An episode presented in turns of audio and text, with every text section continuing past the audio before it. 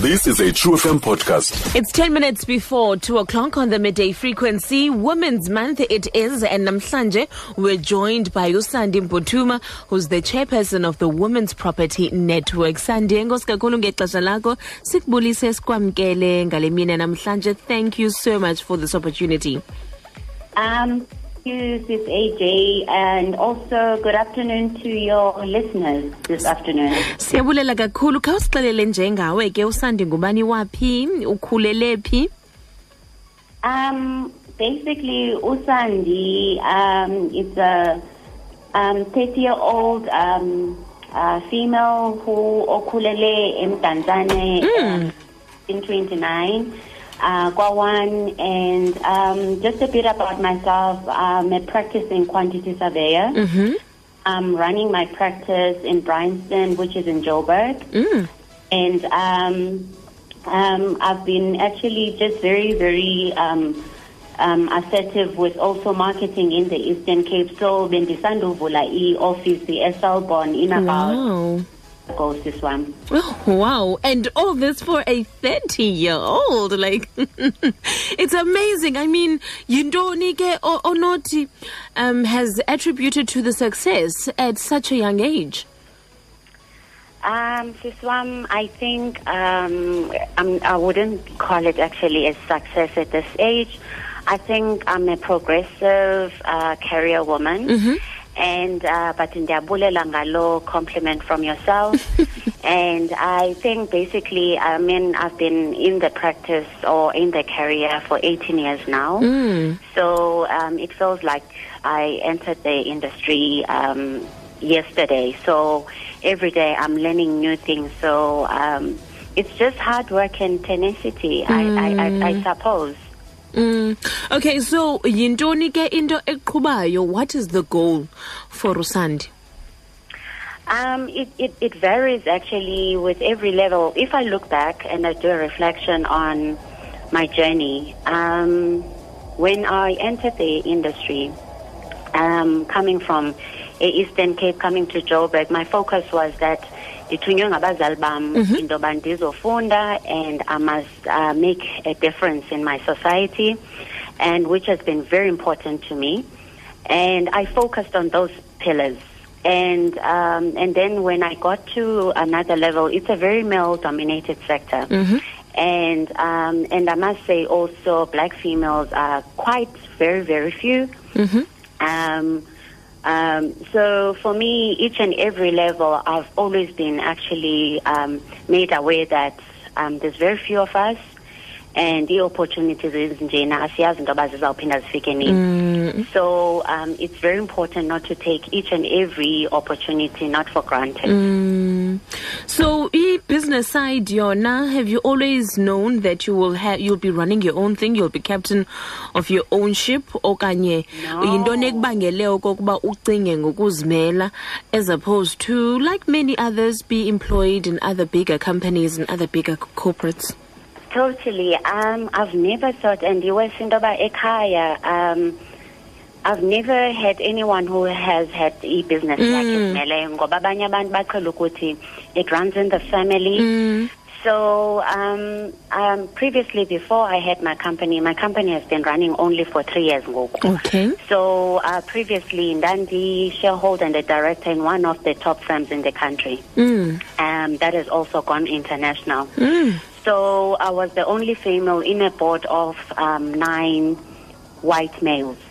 And uh, yabe ndim in intombazana, but I just told myself that I must not concentrate on the fact that I'm a female. I must just actually regard myself as a professional Yeah. and I must be awarded for what I do within the firm and also the sector.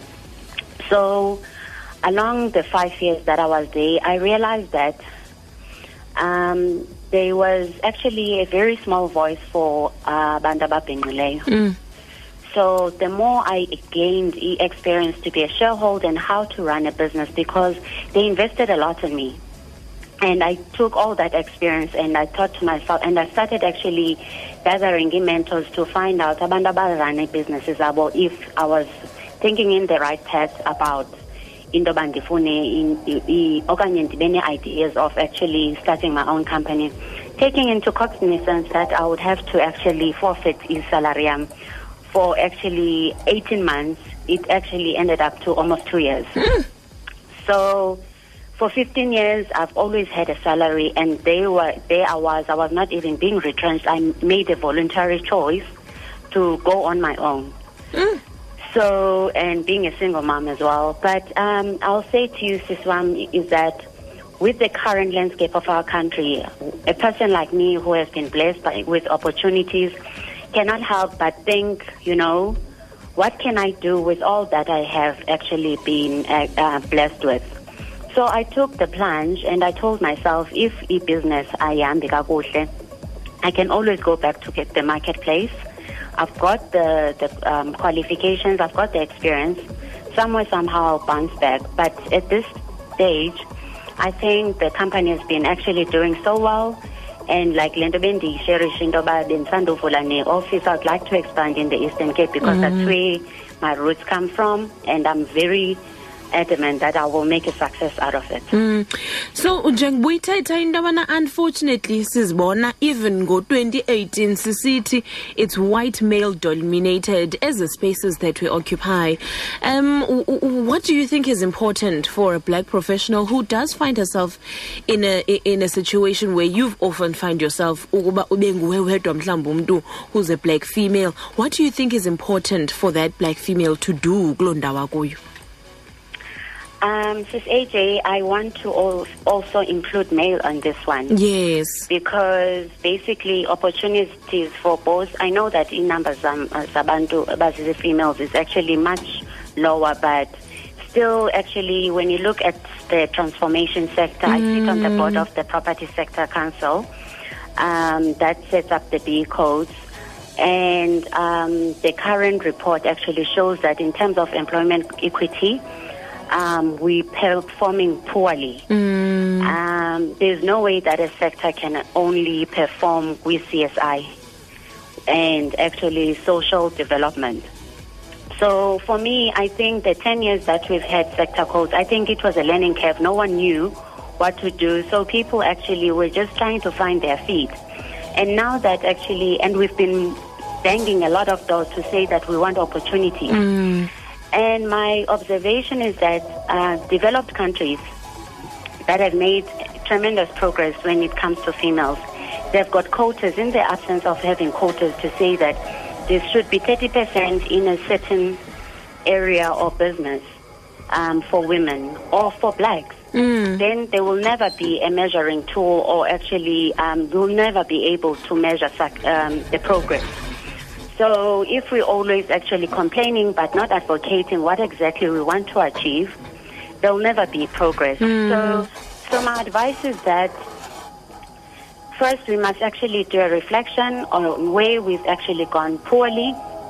Secondly, let's actually play a very active role in influencing the, the policies that affect our lives and our professions mm-hmm.